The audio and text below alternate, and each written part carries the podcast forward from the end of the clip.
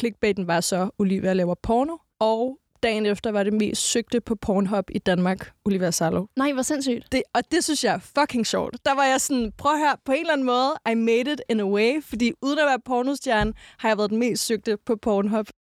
Er I helt klar til at se det her? Oh my god. Min Instagram-profil er stor på baggrund af min persona. Velkommen til min første vlog i 2022. Tusind tak for 250.000 abonnenter. Det er vi sindssygt det er vi. På sociale medier er influencers blevet et stort fænomen. Så jeg har 55.000 følgere på Snapchat. Tak fordi I så med på den her video. Husk selvfølgelig at give den en thumbs up, hvis I godt kan lide den, og subscribe, hvis I gerne vil se mere. Hej! Olivia Salo tager på en rejse i den belysende podcast Like Mig, når hun dykker ned i nogle af de mest omdiskuterede influencermyter og afprøver på egen krop, hvad de forskellige Reddit-forumer egentlig byder på. Er det historien om den grimme ælling, der gik fra reality-deltager til stor flot influencer? Eller er det blot endnu et quick fix to fame? Det finder vi ud af i dag.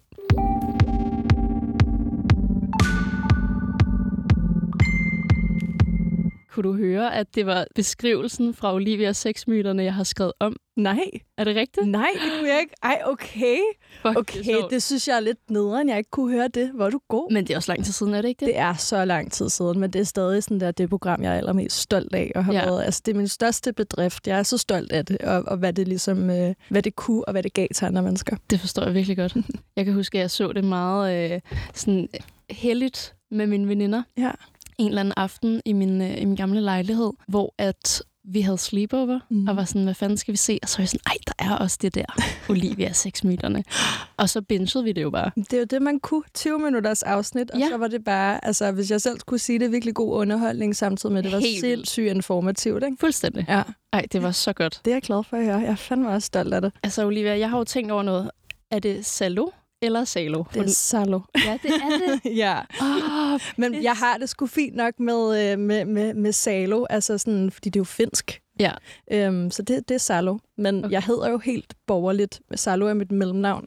Og jeg hedder Kær til efternavn. Det er sådan mit rigtige efternavn. Sjovt. Og, øh, og det irriterede mig grænseløst, at folk altid udtalte J'et i det. De sagde altid kjær. Og det, var sådan, Mm. det var som om, det bare satte sig sådan, som sådan pivled i mit øre. Ja. Så, og jeg har det en eller anden grund meget federe med, at folk siger Salo frem for Salo. Altså Det forstår jeg godt. frem for kjær. Kjær. og kjær. Ja. så ja, Salo. Okay, Nå, men godt at vide.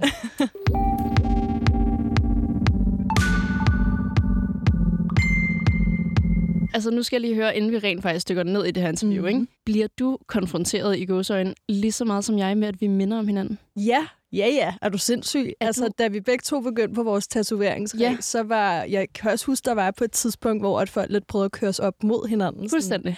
har du set dig, at hun har kopieret dig? Eller sådan, og det har du sikkert også fået, ikke? 100 procent. Hvor det er sådan, øh, jo, og plus vi brugte samme tatovør dengang, så det er sådan, altså, wonder why, hvorfor at... Øh, Ja, ja. ja. Og vi er kvinder med tatoveringer. Lige præcis, og det er sjovt nok noget, med, der, med, der bliver sat i samme bås, ikke? Det er så sindssygt. Jeg synes i hvert fald virkelig, det har været øh, god underholdning, vil jeg sige. Det er det jo. Altså, jeg synes, det griner, når, når de ikke så nice følgere prøver at udspille influencer mod hinanden. Det er sådan, prøv her, vi er alle sammen kollegaer. Ja, ja, vi kan faktisk godt lide hinanden. og Ja, vi støtter har ikke noget mod hinanden. Nej. Nå, men Olivia, du skal igennem nogle, øh, nogle hurtige spørgsmål, og du skal komme med nogle hurtige svar. Jeps. Hvor gammel er du? Jeg er 25. Er du influencer? Ja, Tjener du 1 million i 2022? det kan jeg ikke svare på. Hvor ofte arbejder du i dit nattøj? Øh, hver evigste dag. er det sket, hvis det ikke er på Instagram? Øh, det, det, er, det er sådan lidt... Nej, ved du hvad? Det er jeg faktisk ligeglad med. Hvornår slettede du sidst et opslag? I går.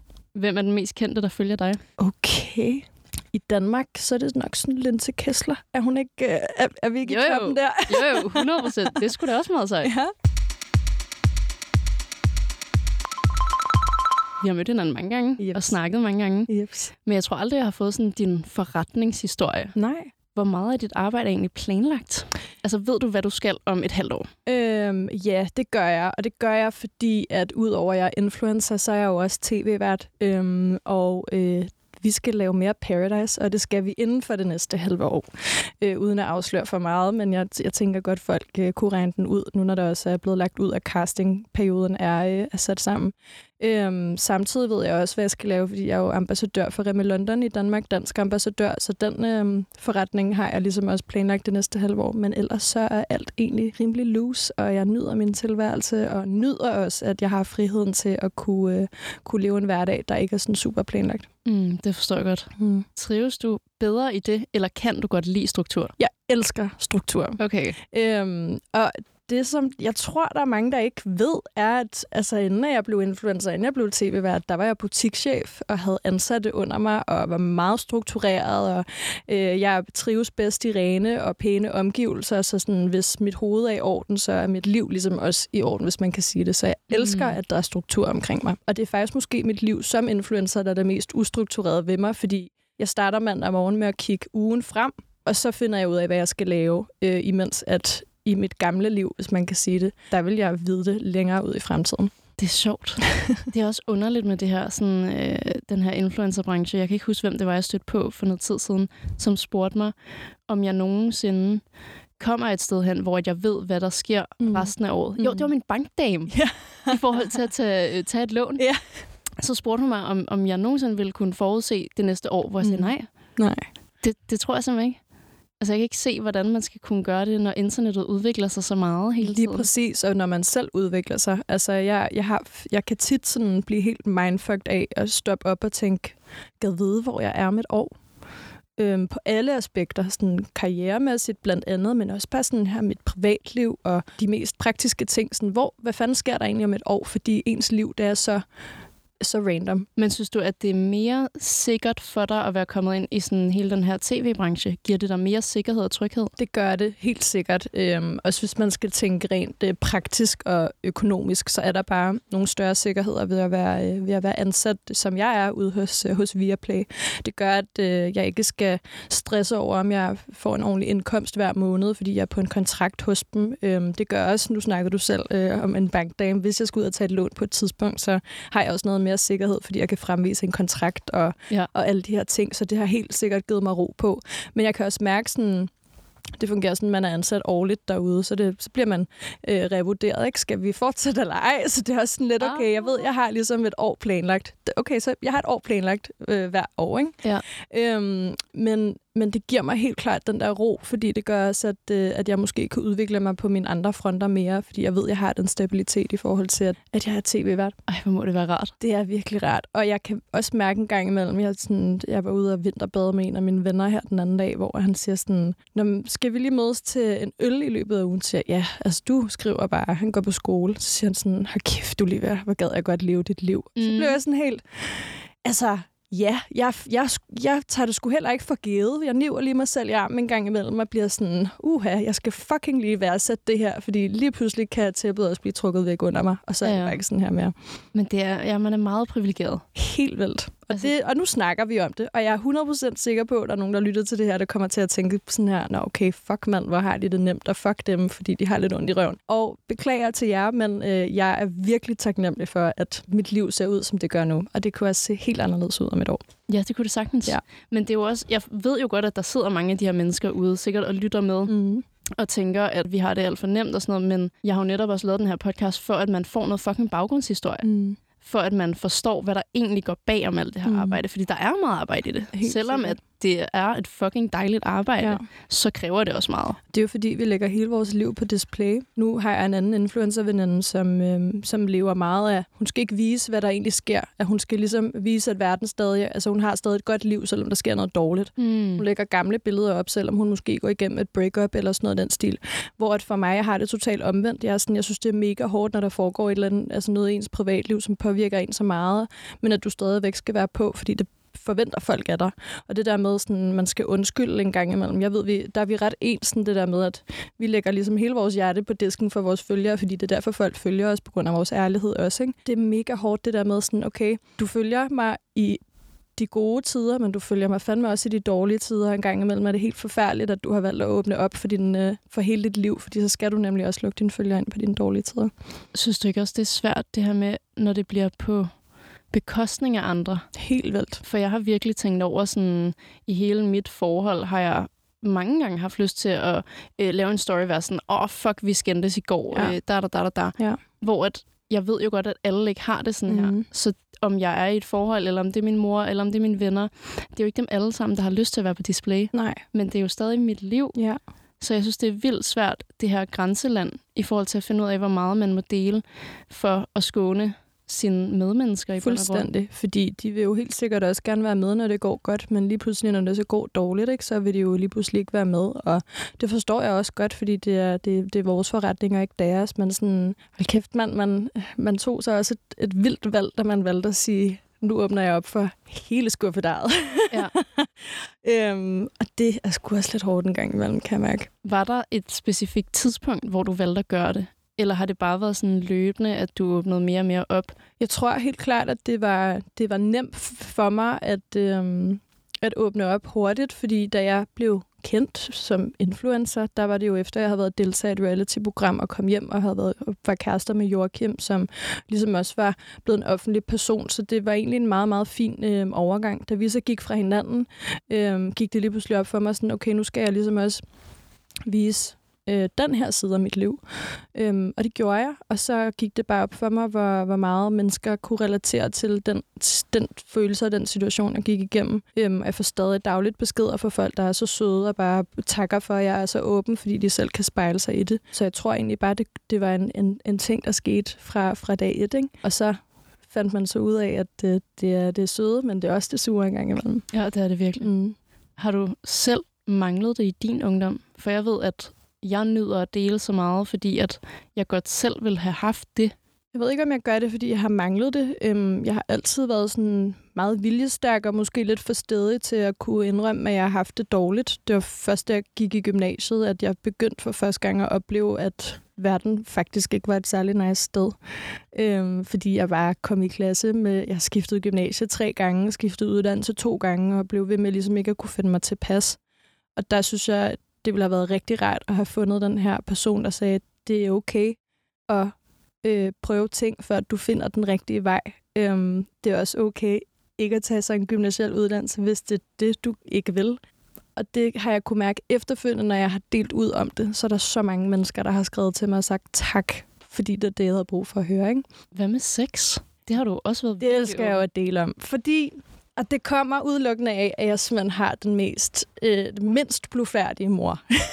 Okay. vi har snakket om alt over middagsbordet, og det gør vi fandme stadig. Hun, har- nu har hun også fået en, fundet en mand, der er lige så ikke blufærdig, som bare, altså det gør bare situationen meget nemmere. Jeg tror bare, det har været meget naturligt for mig altid bare at lægge svisken på disken, som man siger, ikke? Ja. Øhm, så det, og så synes jeg også, du ved, jeg vil egentlig gerne være en eller anden, uden at være terapeut, så vil jeg egentlig gerne være sådan den der store søster, som, øh, som min følger måske kunne komme til at, at stille spørgsmål og snakke med om, og, og dele ud om, om det var, øh, hvad hedder det, det ikke så sexet i sex, eller om det var det meget sexet. Uh, hvad er det nu? Er Benjamin din lillebror eller storebror? Det er min lillebror. Lillebror. Ja. Ja. Er han også med i de her snakke hen over middagsbordet? Han sidder lidt mere stille. Øhm, forskellen på Benjamin og jeg er, at vi er mega forskellige. Okay. Øhm, vi er virkelig, selvom vi er pseudo-tvillinger, der er kun altså et år og været sådan noget syv måneder imellem os, så er vi simpelthen dag og nat, så han sidder lidt mere og tager, tager det ind, og han er også blevet bedre med årene til at sige, okay, det er faktisk måske meget fedt, man kan snakke om de her ting, men han lukkede lige ørerne de første 20 år af Ja. sit liv. Hvad med din mor? Fortæller hun om sit sexliv til dig? Ja, og hun gør det på en rigtig, rigtig respektfuld måde. Hun er, Dejligt. aldrig sådan, hun er aldrig sådan her, nu skal du høre, hvad der skete i går. Hun siger, jeg har oplevet på et tidspunkt, og så går hun ikke ned i detaljer, så, hun, så fortæller hun bare om den overordnede følelse, hvis vi har nogle ting, som vi skal snakke om. Ikke? Fordi Mm. jeg også går til hende og stiller hende spørgsmål, øhm, hvis jeg er i tvivl om noget. Det er nogle år siden, jeg har gjort det, men, øh, men dengang, der gjorde jeg. Og også bare øh, emotionelt. Altså, det behøver ikke være, være, være det fysiske i sexen, men det emotionelle, og, og hvordan, øh, og hvordan ens, ens sind, sind ligesom er med. Ikke? Det er hun Jo. rigtig god til. Ja. Du så jo på Instagram, at jeg lavede en kæmpe bummer, at jeg skrev, øh, jeg skal interviewe Olivia i morgen, da, da, da, da. Det var så dagen efter. Ja. Men jeg bad jo folk om at stille dig spørgsmål. Mm. Og det er helt klart nogen, som vi dykker ned i senere, men der var et lige omkring det her emne, jeg stussede over. Mm-hmm. Hvordan er det at være forbundet mest med viden omkring sex, når du har meget mere at byde på? Og jeg sidder jo med store øjne her. Ja, ja. Altså, det er meget spicy, føler Det er jeg. meget spicy, også fordi det, på en eller anden måde er jeg enormt smiret over det spørgsmål, fordi jeg har elsket at være så meget forbundet med sex. Og det har jeg, fordi at jeg, jeg sygt. Altså, som vi har snakket om tidligere, jeg er fucking stolt af, af Olivias sexmyterne, fordi at det blev til, hvad vi godt ville. Det blev til moderne seksualundervisning. Øhm, så det er måske den hat, jeg har taget på, og det har jeg gjort helt, øh, helt bevidst, fordi jeg bare synes, det er så vigtigt, at, øh, at ungdommen ligesom bliver, bliver mere åbne til at kunne snakke om sex og være i sig selv og, og kunne sige fra og alle de her ting.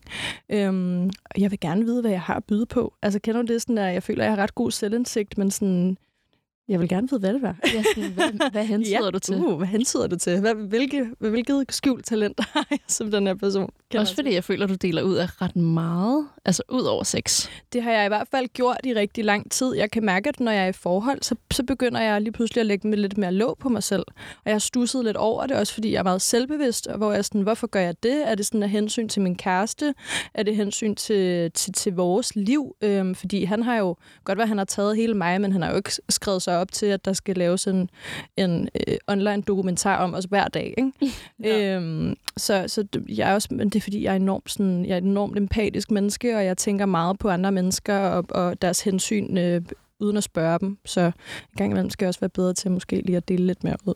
Så du lukker i på sociale medier, når du har en kæreste, eller hvad tænker du? Det føler jeg lidt, ja. at dele ud og, og bare være sådan mere... Jeg er også, du ved, måske en af de få influencer, der sådan der, synes, det er super pinligt at optage videoer, når han sidder der.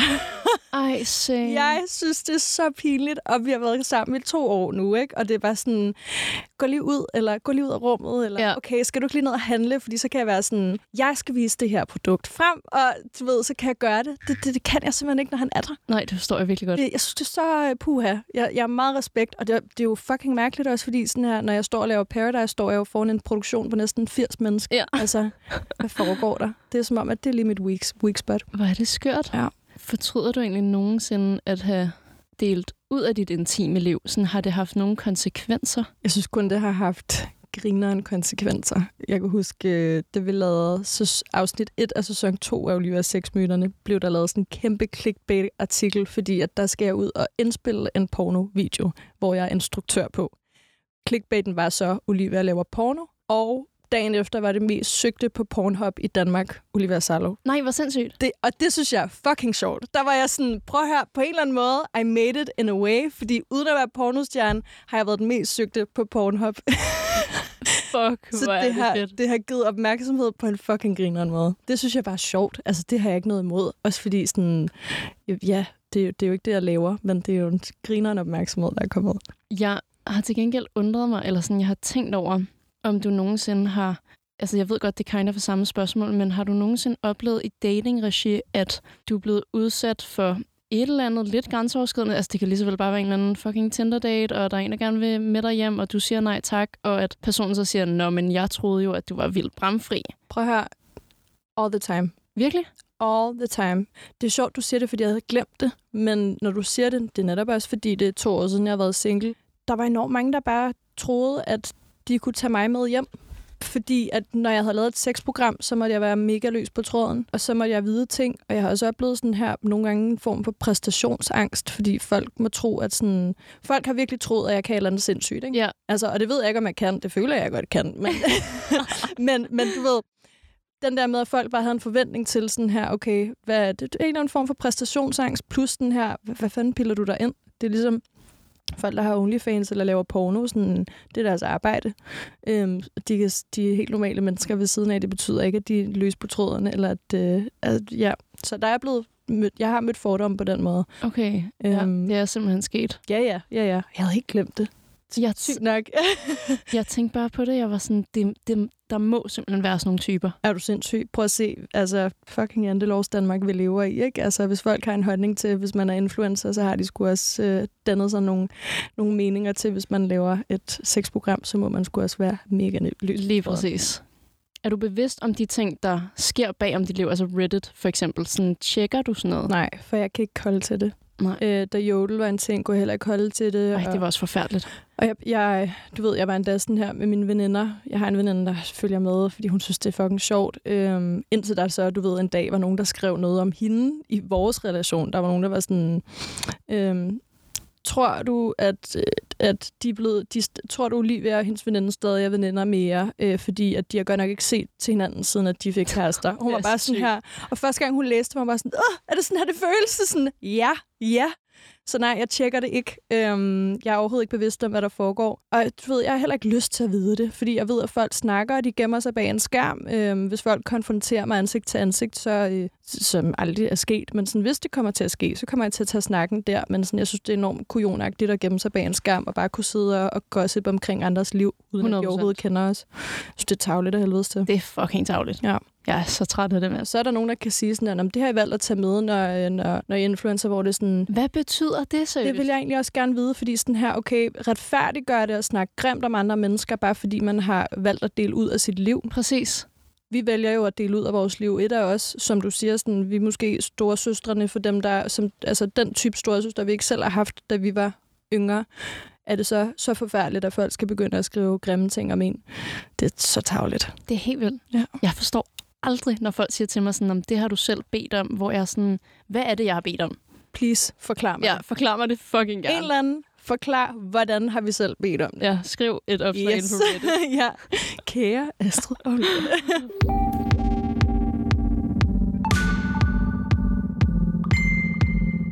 Vi skal faktisk lidt tilbage til forretning. Jeps. Fordi nu, øh, nu fik jeg faktisk byttet helt om på mit interview her. Jeg fik rykket lidt rundt. Men jeg vil jo også gerne vide lidt mere om din business. Mm-hmm.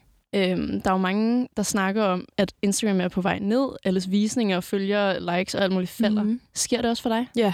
Ja? Ja, det gør det, og jeg stressede sindssygt meget om det til at starte med, fordi det er aldrig sket for mig før, for at være helt ærlig. Jeg har altid haft, nu snakker vi jo business, jeg har altid haft en sindssygt god engagement i forhold til, til hvor mange følgere jeg har haft. Det kunne jeg godt forestille mig. Øhm, og det er fordi, at folk, der følger mig, de følger mig for den, jeg er. Øhm, jeg er jo ikke en modeprofil. Øhm, nu er jeg begyndt endelig at inkorporere mit mad igen, og det synes jeg er så dejligt. virkelig rart. Ej, det er jeg glad for, at du siger. Så skønt. Øhm, og det, det er faktisk rent forretning, fordi der håber jeg lidt, at jeg kan tiltrække nogle, øh, nogle nye grupper, altså nogle nye målgrupper. Ikke?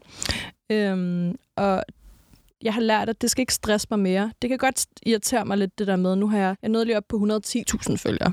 Og så lige pludselig, da alt det her skete med Instagram, så begyndte den bare at dale, og nu er det sådan her, nu går den hverken op eller ned.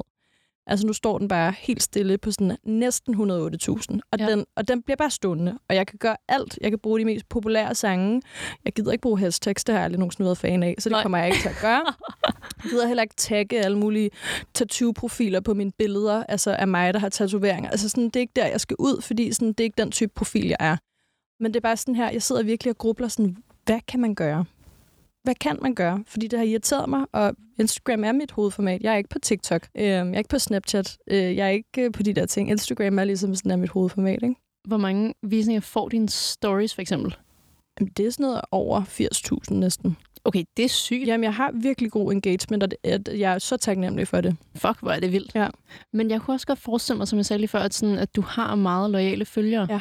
Også fordi, at som du selv siger, du har ikke bygget en modeprofil op, du mm-hmm. har bygget et brand op omkring at være dig. Mm. Så hvis man har lyst til at følge med i dit liv, så er det virkelig, fordi man vil se dig, mm. og ikke nødvendigvis, hvad for et outfit du har på. Nej, man vil gerne lære dig at kende og følge med i dit liv. Lige præcis. Så jeg forstår godt, at du har så engageret følger i bund og grund. og det sjove er, nu ser du det der med, øh, med outfit. Det sjove er sådan, så begyndte jeg at lægge billeder op af mit, altså du ved, mit outfit, bare sådan i min story. Så var folk sådan, ej, husk lige at lægge outfit-billeder op. Så er jeg sådan, gud, okay, det kan folk også godt lide. Ja, jeg kan også godt lide det, når du gør det. er det rigtigt? Ja, jeg, jeg synes, det er fucking fedt. Okay, men det er fordi, jeg ikke ser mig som en, en modeprofil, altså på den måde, eller, eller fordi det er jeg ikke. Jeg er bare, jeg er bare mig. Ja, præcis. Jeg er bare mig. Men jeg tror, det er det, der gør det lidt rart. Altså, fordi så bliver det bare et indblik i din hverdag og se, hvad for noget tøj, du har taget på. Ja. Så det er ikke så meget outfit-inspiration, men mm-hmm. det er mere sådan, nå, okay, hvad vil Olivia tage på om ja. morgenen? Ej, det er jeg sgu glad for at høre. Det er også rart at have de her samtaler, hvor man får en. Det, det ved jeg også, du sikkert selv kender. Sådan, Gud, hvor rart, at folk faktisk godt kan lide det. Jeg, ja. jeg, jeg, jeg smed det bare lige ind for højre, men fedt, det bliver grebet mod, ikke? Jo, det er så dejligt. Mm, det er det virkelig. Hvad med hvad der går bag om en Olivia Salo-kampagne. har du kameramand? Er der en brainstorm-proces med et management? Eller er du bare ude at spise med dine piger, hvor du har en sponsoreret kjole på, og så er du sådan, hey, tag lige et billede. Sådan, hvordan foregår det? Vi har den det sidste. Er det rigtigt? og jeg er faktisk, øh, jeg har et management, der er sindssygt gode. Jeg er hos uh, Represented, hedder de nu. Det er det gamle Bloggers Delight. Det er det ældste influencerbureau, som vi har i Danmark. Som er sind- jeg er sindssygt glad for dem, og jeg har sådan en idé om, de er sindssygt glade for mig. Dejligt. Øhm, ja, øhm, og de, jeg har sagt til dem fra starten af, sådan, jeg skal have mig en agent, som kender mig lige så godt, som jeg kender mig selv, hvis ikke bedre. Som kender mine dårlige dage, kender mine gode dage. Øhm, jeg kan nemlig, når jeg har dårlige dage, øh, er jeg bare en idiot i forhold til mit engagement i mit arbejde. Så jeg har en øh, agent, der ligesom brainstormer idéer, sender, du ved, ligesom er mellemmanden, når der kommer, øh, hvad hedder det, når der kommer kampagner ind, og kan frasortere dem, inden de kommer videre til mig. Øhm, og så er det nemlig sådan noget, fordi jeg kan det heller ikke lide at få taget billeder ud i offentligheden. Jeg vil ønske, at jeg kunne lide det. Så det er sådan noget, okay, jeg har lige et naked outfit på, fordi jeg har lavet en naked haul. Øh, jeg er lige ude og drikke glas vin med min veninde. Clara, lad os lige gå ned ad den her gyde, og så snapper du bare 1000 billeder på 5 sekunder, fordi jeg skal ikke stå her og flagre for andre menneskers skue, fordi jeg, jeg kan slet ikke tage det. Så det er meget den proces, den sidste. Ej, hvor sjovt. Hvorfor er det, du ikke kan i offentligheden? Hvad gør det ved dig? Jeg, jeg tror, det er sådan, det, det, der bliver jeg sgu lidt for selvbevidst omkring, sådan, hvis folk går forbi og tænker, nå okay, hun er influencer, hende der. Mm. Og hvorfor? Ej, hvorfor? Ej, jeg blev lige helt sådan her. Hvorfor har jeg det sådan? Fordi det er jo ikke pinligt. Det er jo en del af mit arbejde. Ja, men, men jeg forstår dig virkelig Ja. ja. godt. Jeg har altid haft det sådan. Ja. Og nu har jeg jo for helvede lavet det her i, det ved jeg ikke, over 10 år. Ja. Og jeg har jo aldrig kun lide at filme mig selv i offentligheden, eller at få taget billeder i offentligheden, eller noget som helst. Sådan, Mhm. Det går virkelig over min grænse. Men her for en måned siden, der besluttede jeg mig for ikke at gå op i det. Jeg tror, jeg hopper med på den bølge. Ja. Det, prøv her, det gør jeg. Nu går jeg ud af lokalet, når vi er færdige i dag, og så tager jeg den på mine skuldre. Fordi Ja. ja. jeg tror sgu, jeg vil få noget bedre content, hvis jeg bare ikke Det var så man. fucking selvbevidst. Og man bliver også fucking empowered Mm. over, at sådan, jo, folk glor på mig, and so Ja. fucking what? Præcis. Altså seriøst, det Ja. er så lige meget. Det er så rigtigt. Og det er mit arbejde. Mm. Så whatever, man. You do you, I do me. Lige præcis. Vil du egentlig gerne udfase din influencer-karriere? Nej, fordi jeg er sindssygt... Øhm, det jeg er vildt glad for, at det er en del af mit liv. Jeg kan mærke, at det er mega rart, og det, det gør på en eller anden måde også nogle dage, at jeg sådan tager mig lidt sammen til at kunne til at udrette ting, fordi at, øh, at jeg, synes, det er, jeg synes, det er hyggeligt at have de her mennesker, der følger med og, og er interesseret i mit liv. Så Ja. jeg, jeg har ikke nogen interesse i at skulle udfase det. Jeg kan godt være lidt bekymret for, hvordan influencer, øh, hvad hedder det, jobbet ser ud om nogle år, netop fordi, at der er begyndt at være alle de her ting med Instagram og algoritmer og, og sådan noget. Så jeg, det kan godt bekymre mig, men jeg har ikke selv intention om at udfase det. Tror du virkelig, at det stopper? Det håber jeg ikke. Det ville være for mærkeligt, hvis de gjorde. Hvis Ja. de bare lukkede ned lige pludselig. Det ville være mærkeligt. Men ja, det er en, det er en vild udvikling, Mm. der er gang i. Mm. Øhm, og jeg har meget svært ved at forstå det. Mm. Altså især for Instagram, tænker Ja. jeg mest af alt. Jeg har hele tiden sagt, at det samme sker for YouTube, og at der ikke er nogen, der får visninger, da, da, da, da, men nu har jeg set mange af mine kollegaer alligevel formå at få deres visninger op. Så jeg ved, at det kan lade sig gøre på YouTube. Ja. Men Instagram er bare fucked. Ja. Og, jeg, og det, jeg synes faktisk, det er fucking tavligt. Ja. Øhm, og, og jeg skal også være bundærlig, sådan, det er også en af grundene til, at jeg begyndte at lave de her madvideoer. Der har jeg så en kameramand på, fordi det kan jeg ikke finde ud af. Plus, jeg hader at klippe. Er det rigtigt? Fuck, hvor jeg hader at klippe. Hvorfor? Jeg synes, det er så irriterende. Jeg ved det ikke. Altså, og jeg har så stor respekt for dem, der uddanner sig til at være klipper. Jeg er sådan her, jeg kunne ikke forestille mig noget mere forfærdeligt, end at sidde og klippe ting. Ej, hvor er det sjovt. Øhm, så jeg har hyret en rigtig skøn fotograf til at optage de her madvideoer for mig, og vi kender hende. Du ved, han kender min vision nu, og ved, hvordan tingene skal være, og nu er der det her frame og sådan noget. Så det, det er det eneste, hvor jeg faktisk øh, selv øhm, hvad hedder det her kameramand på. Kæft for dejligt. Ja, det er virkelig rart. Hvad lønner du ham så selv? Jeg lønner ham selv. Okay. Fordi at, øh, det er jo okay, nu er vi jo inde på business ting. Jeg tænker, det er at investere i fremtiden. Fordi hvis jeg åbner op for maduniverset, og det går sindssygt godt. Altså, det, de, de får, det er jo også det madvideoer, jeg, det er altid det, jeg selv gemmer. Sådan, uh, det vil jeg gerne lave, jeg gemmer den lige, ikke? Og de bliver gemt, og de bliver delt, og de bliver, altså det er helt vildt. Der, der er virkelig, virkelig stor engagement på dem. Så jeg tænker, det er en investering i mig selv, fordi så kan det jo være, at du får samarbejdspartnere om nogle måneder, som er med samarbejdspartner, som så ender med at skulle sidde øh, og lønne det i stedet for dig selv.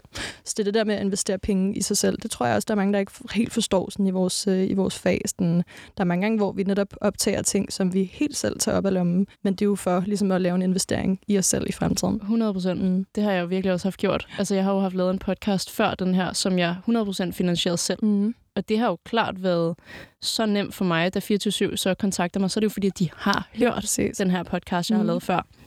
Og lige nu går jeg også og overvejer at hyre en editor. Ja. Overvejer at hyre en personlig assistent. Ja. Altså sådan, jeg ved godt, at det vil være det vil være en virkelig stor omkostning. Sådan, det vil være mange penge ud af mit Mm. firma, fordi det er i hvert fald en ekstra af mig, fordi det er to deltidsansatte mm. i bund og Mhm. grund. Men igen, jeg tror, hvis du kaster penge i noget, får du dem også tilbage. Lige præcis. Jeg tror virkelig, det vil være interessant at se, hvad man kan formå at gøre, hvis man uddelegerer sin arbejdsopgave. Mm. Helt sikkert.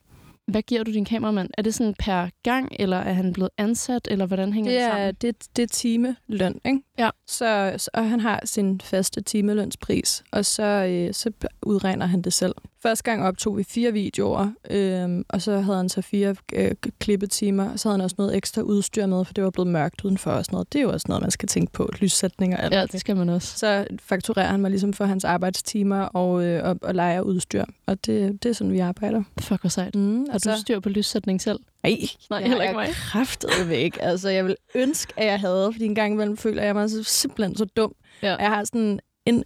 Den burde være verdens lyseste lejlighed, men så i midten af rummet, hvor der ikke er noget lys, der har de valgt at sætte et sort køkken ind, som bare gør, at sådan her, der er lige nogle sådan lys i midten af min lejlighed. Det er sådan en stor studio, ikke? med kæmpe vinduer i hver side, bortset fra i midten, så det er sådan noget her. Ja, okay, ja, det aner ikke, hvad jeg skal gøre. Oh my god. Ja. Fuck, det forstår jeg virkelig Ja. godt. Ja, det er jeg sgu ikke god til. Hvad med spons? Hvor meget får du tilbudt? Øh, ikke så meget mere, men det er fordi, jeg har flere faste samarbejdspartnere, som øh, det kender du vel også selv, så laver du øh, et samarbejde øh, på en bestemt periode. Jeg har mange øh, faste samarbejdspartnere, hvor jeg måske har et halvt år ad gangen. Og så, øh, altså det, det betyder i praktisk, praksis, at så starter vi kampagnen, og så slutter den først et halvt år efter. Så det vil sige, at jeg får først udbetalt min løn fra øh, starten, og så et halvt år efter. Mm. Ja. Og hvilke har du lige nu af faste, ud over Rimmel? Jeg har, ja, jeg har Rimmel, så har jeg Naked, så har jeg noget, der hedder James Reed, og så har jeg Orion, som er sex. Mhm. som, øh, jeg tror, det er de tre, jeg lige kan komme i tanke om on the top of my mind. Øhm, og så er jeg ved at lave noget øh, inden for mad. Spændende. Men det tænker jeg ikke, jeg, fordi den er ikke kommet på plads endnu, så det tænker Ej, jeg så ikke. tør man ikke nej, nej, nej, nej. Ikke jinx den. nej. Jeg vil også virkelig gerne snakke med dig om, om Paradise og Ja. reality i Ja. bund og grund, fordi at det er jo den anden halvdel af dig på en eller anden måde. Mm. Øhm, og du startede jo med at deltage i et reality-program. Jeps. Må jeg godt sige, hvad det er? Ja, ja. Love Island. Ja. Og øh, jeg gad godt vide, om du hellere ville have været den deltagelse for uden.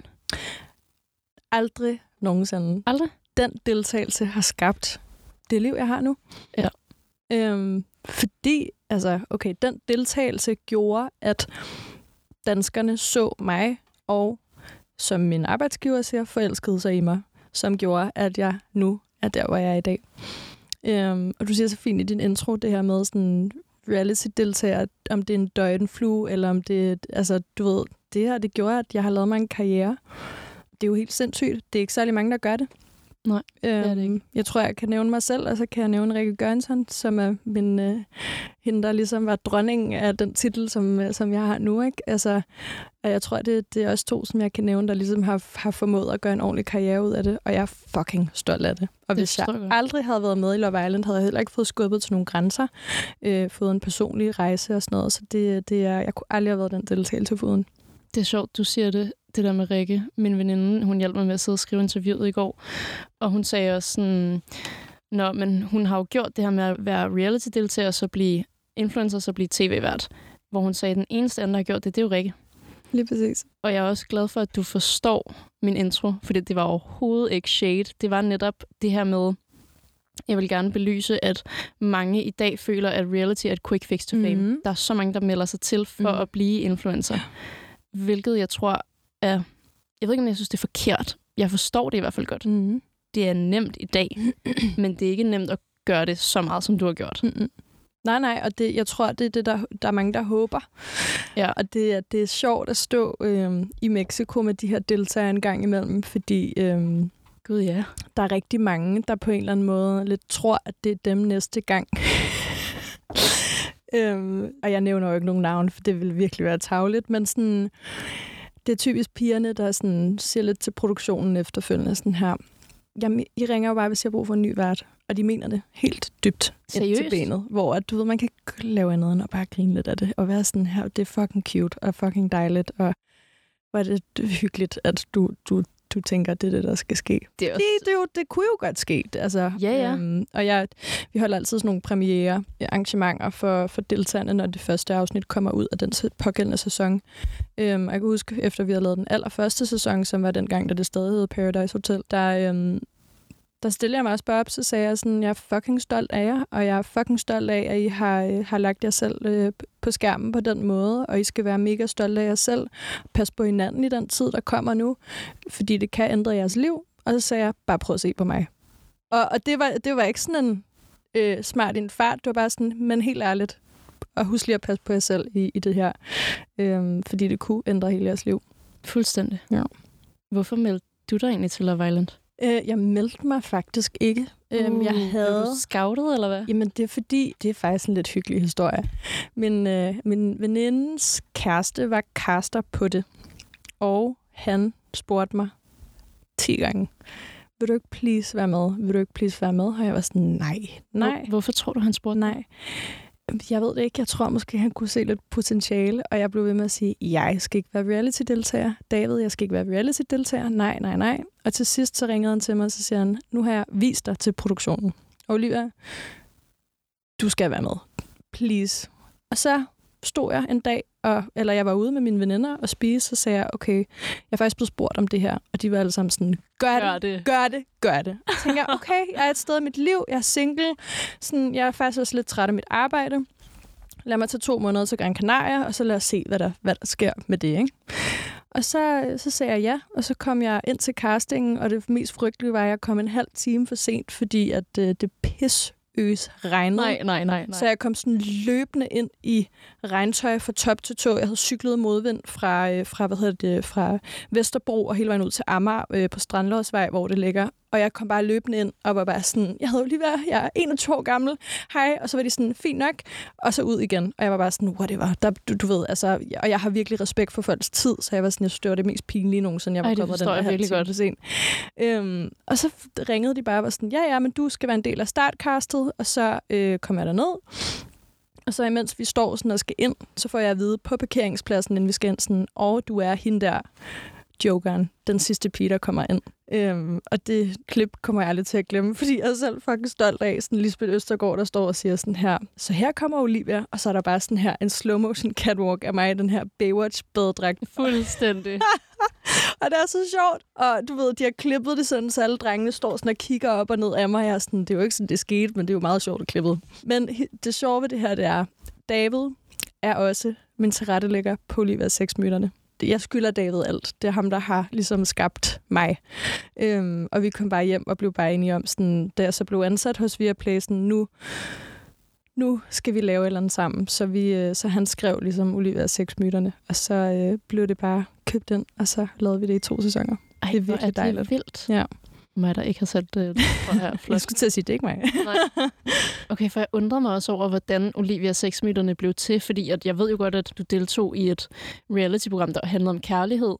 Og jo, jo, det handlede da også om sex, og du var jo også... Altså, det i tale satte du også, mm. Mm. at du havde sex og alt Mm. muligt. Men jeg føler stadig, at der, var, der er langt fra kærlighed til så bramfri et, Præcis. bramfrit et sexprogram. Ja. Så det var simpelthen David, der skrev det. Det var David. David, der castede mig. David, der sagde, vi skal, vi skal seriøst lave noget ud for din bramfrihed, og, og også fordi han kender mig så godt. Ikke? Ja. Så det er derfor, jeg tror, at øh, og det, jeg tror også, det er derfor, programmet blev sådan en succes, fordi vi fik lov til at lave det sammen. Vi, vi var tre mennesker. Øh, David og jeg, så vores kameramand Jakob, og vi havde det fucking hyggeligt, og, og havde det bare dejligt, og var trygge i hinandens selskab, og, og det er virkelig en stor faktor, når du laver tv med folk, specielt når det er så grænseoverskridende en gang imellem, som Olivia Sexmyterne var, ikke? Jo, jo, fuldstændig. Ja. Hvad så med din værtsrolle på Paradise? Hvordan bliver du tilbudt den?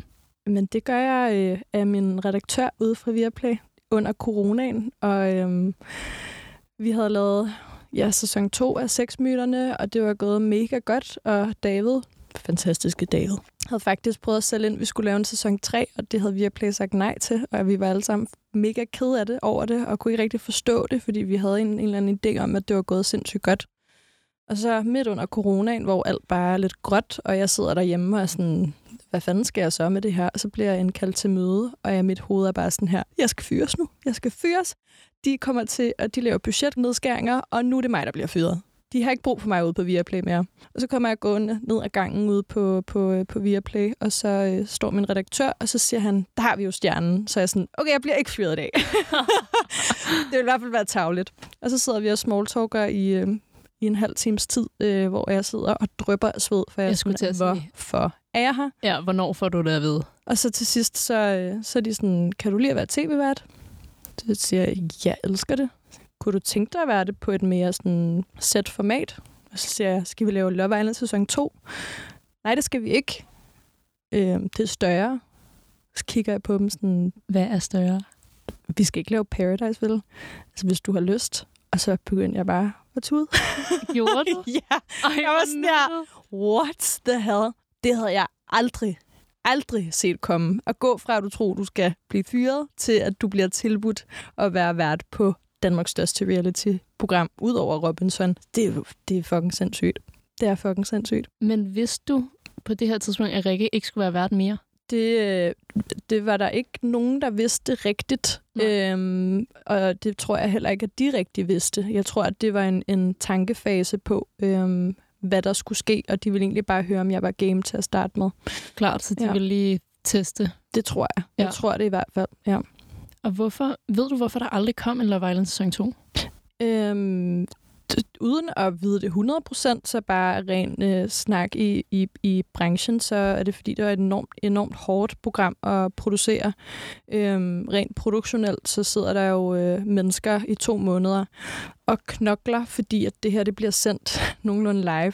Det er så vildt. Øhm, for at sammenligne, så øh, hvad hedder det, den sæson, som vi har optaget i marts, kommer først ud om lidt. Hvor mange måneder og hvor mange godkendelser og frem og tilbage der er. Ja, altså, det er jo et helt puslespil. Så prøv at tænke at være klipper på et program, hvor du skal klippe ting ind. Øhm, og det er, også, det er meget grinerende at se det efterfølgende, fordi der er mange gange, hvor at du kan se, sådan, der er nogle fejl. Øhm, hvor at vi for eksempel kalder på en for produktionen, og det bliver sendt med. Så kalder vi på en, der hedder Anders. Der er ikke nogen derinde, der hedder Anders, men det er så ham, der har stået og været vores, øh, vores øh, hvad hedder det, mand for produktionen den dag. Ikke? Øhm, og jeg tror simpelthen bare, at de mennesker, der var nede og lave det, de sov ikke i to måneder. Altså, Ej, var det Ja, forfærdeligt. jeg, jeg, så jeg tror øh, helt i bund og grund, at, hvad, hvad, hvad, at det er, fordi det er mega hårdt at producere. Ja, så Paradise skulle nok lige lidt bedre. ja. Er der egentlig noget, der har, eller ikke har levet op til dine forventninger som vært på Paradise? Nej, det er den mest fantastiske arbejdsplads nogensinde. Fuck, hvor dejligt. Det er det virkelig, og i fantastiske omgivelser. Altså, jeg klager virkelig ikke over... Jeg, jeg, altså, nu er jeg jo min mor fra Finland, hvilket er det blegeste folkefærd på planeten. Så jeg har bare altid været gennemsigtig at se på. Derudover sådan, har min far også lidt, lidt rødt skæg, så jeg, sådan, jeg er bare meget bleg.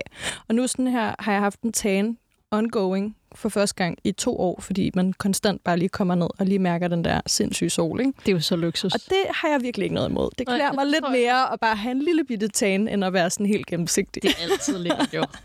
Var der noget, du frygtede ved at være vært på Paradise? Ja, altså, jeg skulle overtage en fakkel fra The Queen herself. Hold kæft et pres at have på sig og skulle overtage efter Rikke Gørnsson. Også fordi Rikke er, er privat øh, en, som jeg, jeg, altså, som jeg snakker med, fordi vi har en, samme, altså, en, en del af en samme vennekreds. Så det var sådan helt sådan, hvordan fanden skal jeg takle det her på en ordentlig måde? Og, og jeg valgte egentlig bare sådan, da det kom ud, at lukke mine ører omkring, øhm, hvad hedder det, folk, der synes, det var øhm, forfærdeligt, fordi at folk kan ikke lide forandring, og det er også okay. Øhm, men det var fucking hårdt at ligesom skulle overtage et, et job fra en, der havde siddet øh, og gjort et så dygtigt stykke arbejde i så mange år. Det forstår jeg virkelig godt. Mm. Altså, fuck et pres. Ja. Hvad det. gjorde du for at sådan, hvad gjorde du for at bearbejde det pres? Stolede på min arbejdsgiver, Ja. øhm, og stolede på, at, øh, ja, at de havde taget det valg, fordi at det var det rigtige valg.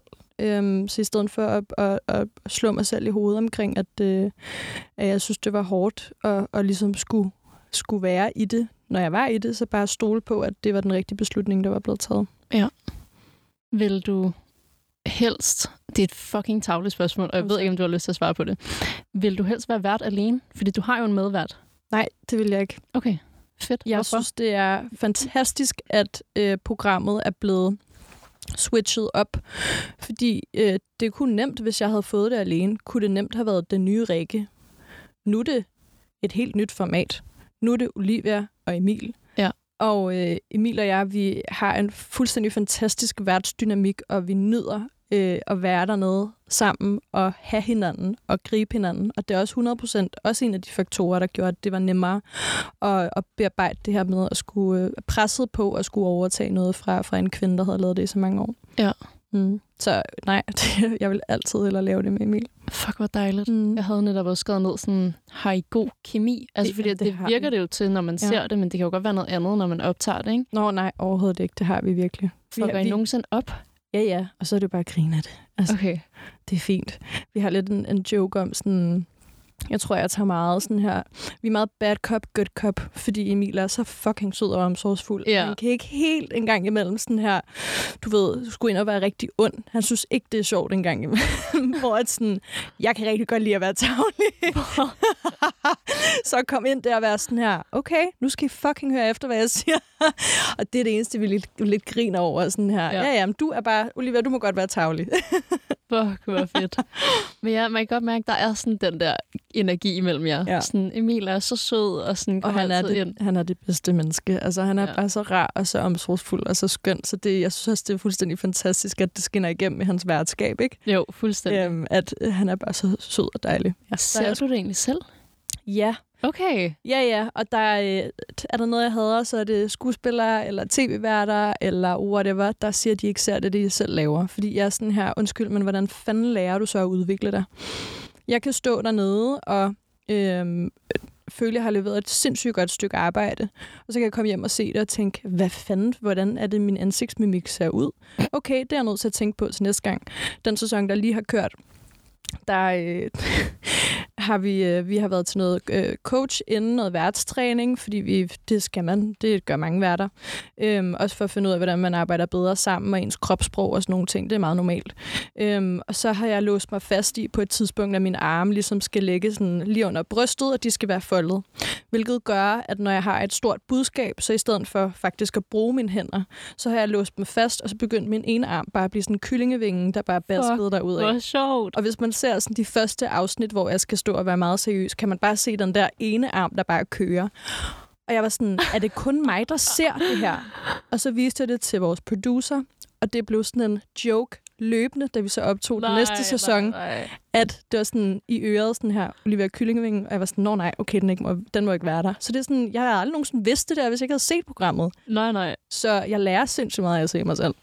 Fuck, det forstår jeg virkelig godt. Men jeg, jeg har heller aldrig forstået folk, der ikke ser det. Nej. Jeg er også sådan, er du ikke nysgerrig? Bare sådan Øh, ja. en lille smule. Ja. Selvom jeg ved godt, det kan være underligt at se sig selv på en skærm. Det er sådan lidt ego. Men det er igen, det, det her, det er fordi, vi er fucking danskere. Ja, præcis. Altså 100%. Jeg har sgu vendet mig til det, og nogle gange, altså sådan, jeg begynder bare at være sådan, sådan, godt gået. Okay, Ja. ret ryggen lidt mere der, men sådan fint nok. Og ja, jeg lærer sgu sindssygt meget af at kigge på mig selv.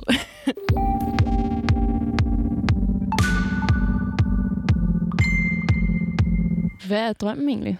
Vil du gerne køre 10 år på Paradise? Det kan jeg ikke svare på, fordi jeg ved det ikke. Jeg ved, hvad mine ambitioner er i forhold til mit tv-værtskab og mit tv-job, fordi jeg har fundet ud af, at jeg elsker at lave tv. Jeg elsker at være en del af en produktion. Jeg elsker ligesom at have det der bagland, og jeg elsker at, at, at, at udrette noget. Øhm, nu har jeg lavet, jeg kalder det satirisk dokument, dokumentar, som er Olivia 6 meterne. Mm. Øhm, og nu er jeg reality. Øhm, jeg har lidt en drøm om på et eller andet tidspunkt at skulle, øh, skulle, skulle lave noget talkshow. Øhm, det er virkelig, det, der vil jeg gerne hen på et tidspunkt, kan jeg mærke. Jeg vil også sindssygt gerne prøve nogle helt andre grene. Øhm, men, men sådan noget talkshow tror jeg kunne være sindssygt sjovt. Så det er lidt det, jeg bestræber. Om det er om 10 år, eller om det er om 40 år, eller om det er om to år, det aner jeg overhovedet ikke. Spændende. Ja. Vi skal i gang med, øh, med de sidste spørgsmål, som jo ikke er fra mig, men som er fra Instagram. Jeps. Og nu har vi ikke vildt meget tid tilbage, så jeg vælger dem, jeg synes, der er spændende. Ja. Øh, den første, jeg synes er fucking sjov. Hvordan har du formået at blive mere end den klassiske Sunny Beach-deltager? Uh. Hvorfor Sunny Beach? Jamen, det synes jeg egentlig også meget. Øhm, det ved jeg ikke. Øh, Det måske bare på grund af, hvordan jeg er. Som, altså, min, du ved, jeg er, jeg er bare ikke en Sunny, Sunny Beach-type. Nej. det handler om min personlighed, tror jeg. Altså, jeg er bare ikke... Øhm, don't get me wrong, jeg er fra Næstved. Altså sådan, jeg er fra provinsen. Det er ikke, fordi jeg er en eller anden smart københavner, hvilket der heller ikke er noget galt i. Nu skal jeg jo heller ikke øh, komme ud på dybt vand. Men ja, det ved jeg ikke. Jeg tror bare, at min personlighed er lidt anderledes, så jeg har nogle andre behov. Hvordan havde dit liv set ud, hvis du ikke havde deltaget i Love Island? Øh, jeg havde helt sikkert arbejdet i detailbranchen og været sælger. Jeg elsker, elsker at sælge øh, og var rigtig, rigtig god til det. Så, øh, så helt sikkert et eller andet for salg. Du tror aldrig, du havde sådan bestræbet dig på at blive kok eller et eller andet? Nej, fordi øh, det er virkelig noget, hvor jeg slapper af, og det er noget, hvor jeg, øh, jeg øh, det er terapi for mig at, at dykke ned i at lave mad, og jeg kan godt mærke sådan, selvfølgelig, deres hobby bliver deres arbejde, men for eksempel, og jeg, det er meget bekræftende, når jeg laver de her madvideoer, så står jeg fem timer og laver mad, hvor jeg konstant øh, hakker løg, konstant gør rent, hvor jeg sådan, kan jeg glad for, at jeg er kok, fordi det er sådan her dagen vil være, ikke? Og de første par år, hvis du uddanner dig som kok, hvor du er køkkenassistent, der står du og skræller kartofler i 12 timer i streg. Altså, det er ikke, fordi at det er direkte op at skulle lave de sindssygste Michelin-retter. Overhovedet ikke. Nej. Kunne du finde på at deltage i mere reality? Øh, det er et sjovt spørgsmål, fordi jeg tror, der er mange, der glemmer, hvad reality er. Reality, det er jo også noget som Masterchef. Det er også ligesom den store bagdyst. Og jeg håber, at din eller anden dag kommer til at... Der var jo de der øh, Masterchef for kendiser. Ja. Det håber jeg fandme, de laver på et eller andet tidspunkt, fordi det vil jeg gerne være med i. Jeg har også godt tænkt over det flere gange. Ja. Jeg er sådan, fuck, jeg gad godt at se Ja. det, vi Masterchef. Ej, Jeg tror virkelig, det ville være sjovt. Okay, sidste fra Instagram. Mm-hmm. Spiritualitet og stjernetegn. Mm-hmm. Er det Mhm. noget, du går op i, hvis jeg på hvilken måde? Øhm, jeg går op i det på den måde, at jeg kender mit eget stjernetegn, og jeg kender min egen tre stjernetegn, og at øh, jeg føler, at de passer på, på, til, til mig. Øhm, men ellers er ikke yderligere. Jeg har ikke en større viden omkring det, andet end jeg ved, at øh, jeg er sgu en helt klar skytte. Du er skytte? Ja. Okay, sjovt. Ja. Jeg kender ikke særlig meget til det stjernetegn. Nej. Men så kig på mig. Ja, jeg skal til at sige, ind og undersøge det.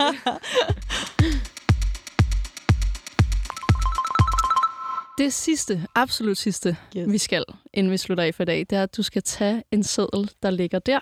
Ja. Fordi at jeg, Jeg, har tænkte gang... godt, hvad er det? Ja, hvad er det, der ligger der? Jeg har jo gang i en leg her på podcasten, mm. Mm-hmm. som hedder Dealbreaker. Og det handler egentlig om, at du trækker en seddel, mm-hmm. hvor der er et udsagn. Mm-hmm. Jeg har så valgt at lave det sådan et Instagram edition, mm-hmm. så der kan for eksempel stå, øh, poster kun selfies, hvor de græder. Mm-hmm.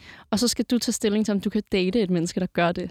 Okay. Ja, okay. så du skal det, trække en seddel. om jeg kan date et menneske, der gør Det, der står Ja. på sedlen. super. Jeg tager den her. Jeg er meget spændt på det. Jeg føler også, hvis der er nogen, der skal svare på det her, så er det dig. Okay, okay. Poster kun billeder af sig selv fra sin gode vinkel. Okay. Øhm, det kunne jeg godt. Ja. Men jeg føler egentlig også, det er lidt lamt på en eller anden måde. Og så tror jeg bare, det vil, det vil komme an på, hvor langt inde i datingperioden vi er. Okay, hvad betyder det? Jamen, altså... Men øh, der er jo mange mennesker, der er, er lidt noobet på Instagram, der er ikke rigtig... og du ved, hvis jeg elsker personen, så, så er det sgu okay, at, være, at personen er lidt noobet. jeg tror, det er det, mit svar er. Ja, det er så fair. Kommer an på, hvor langt i datingperioden vi er. Okay, så det er ikke helt en dealbreaker? Nej, det er Okay, godt. Olivia, tak for din tid. Tak, fordi jeg måtte være her. Astrid. Det har været en uh, ren fornøjelse. Jamen, i lige måde. Tak til alle, der har lyttet med i dag. Fortæl den, du sidder ved siden af i synk, og din amazing space mor om like mig. Ej, hvor er det sjov. Hvis du sidder derude med en god idé, eller en person, I gerne vil have med, så skriv til mig. Også hvis du sidder inde med lidt gossip, som vi skal have afmystificeret. Næste afsnit kommer på fredag klokken 7. Hvis du gætter ugens gæst inden, så sender jeg en selfie-hilsen. Vi ses. Ej, det var så godt. Ej, hvor du god. God spørgsmål. Fedt. Det er jeg glad for, Lene.